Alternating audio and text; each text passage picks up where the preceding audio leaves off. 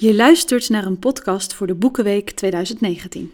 De Groninger Vrouwengalerij. Maar dan in audio.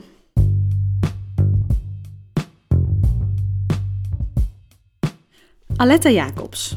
Die naam kent iedereen. In Groningen tenminste. Want zij was de eerste vrouwelijke student aan het HBS. De eerste die een universitaire studie afronde. De eerste vrouwelijke Nederlandse arts. De beroemdste Nederlandse vertegenwoordiger van de eerste feministische golf. Ja, en dus is er een Aletta Jacobs College in Hoge Zand. Een tentamenhal in Groningen is naar haar vernoemd. Ze heeft ook een eigen beeld voor de Rijksuniversiteit in Groningen. En uiteraard heeft ze ook een eigen straatnaam. Maar. Maar. Over haar zus weten we niet zoveel. En dan bedoel ik niet zus Frederica, die als eerste Nederlandse vrouw een middelbaar examen in wiskunde en boekhouden deed. Nee, Charlotte. Charlotte Jacobs. Zij was de tweede vrouwelijke student aan de Groningse Universiteit. De tweede apotheker in het Algemeen Ziekenhuis in Utrecht. En ze was zo'n 20 jaar de enige apothekeres in Nederlands-Indië. Maar haar zus Aletta was gewoon net wat sneller. Net wat vooruitstrevender. Zusje. Charlotte was ouder. Ze kwam alleen wat later op gang. Nadat Charlotte klaar was met de lagere school, ging ze naar de naai- en breischool. Daarna vertrok ze naar Arnhem om het huishouden te doen voor haar broer. Die was apotheker, maar daar bemoeide Charlotte zich niet mee. Dat is best opvallend, want vlak daarvoor stelde minister Thorbecke het examen voor apothekersassistent nog open voor vrouwen. De eerste twee dames waren al afgestudeerd en ook Charlotte's zusje, Aletta, bereidde zich voor op dit examen, al wou ze het liefst arts worden. Om zich goed voor te bereiden op haar examen tot apothekersassistent kwam ook Aletta haar broer in Arnhem helpen. Niet in het huishouden zoals Charlotte, maar daadwerkelijk in de apotheek. Wel onder de leiding van een assistent, want haar broer vond de plannen meer dan dwaas.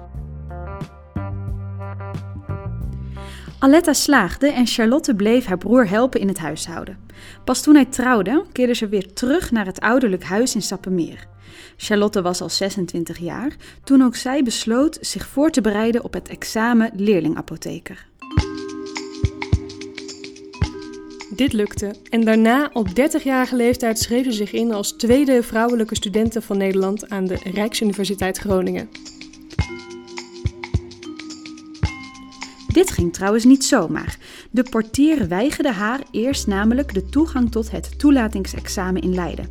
Er moest een examinator bijkomen voordat ze het gebouw mocht betreden. Het examen haalde ze met glans, omdat ze goed in wiskunde was, net als haar jongere zus Frederica. Een van de examinatoren raadde haar zelfs aan door te gaan in wiskunde.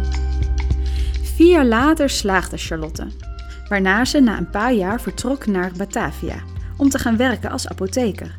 Ze had, net als haar zus Aletta Jacobs, ook de ambitie om te promoveren, maar dit is nooit uitgekomen. Op haar veertigste opende ze in Batavia haar eigen apotheek onder de naam de Nederlandse Apotheek. Ze bleef jarenlang de enige vrouwelijke apotheker in Nederlands-Indië en benoemde uit principe enkel vrouwelijke assistenten. In Batavia richtte Charlotte nog de afdeling Vereniging voor Vrouwenkiesrecht op en probeerde ze het onderwijs voor Indische meisjes te verbeteren.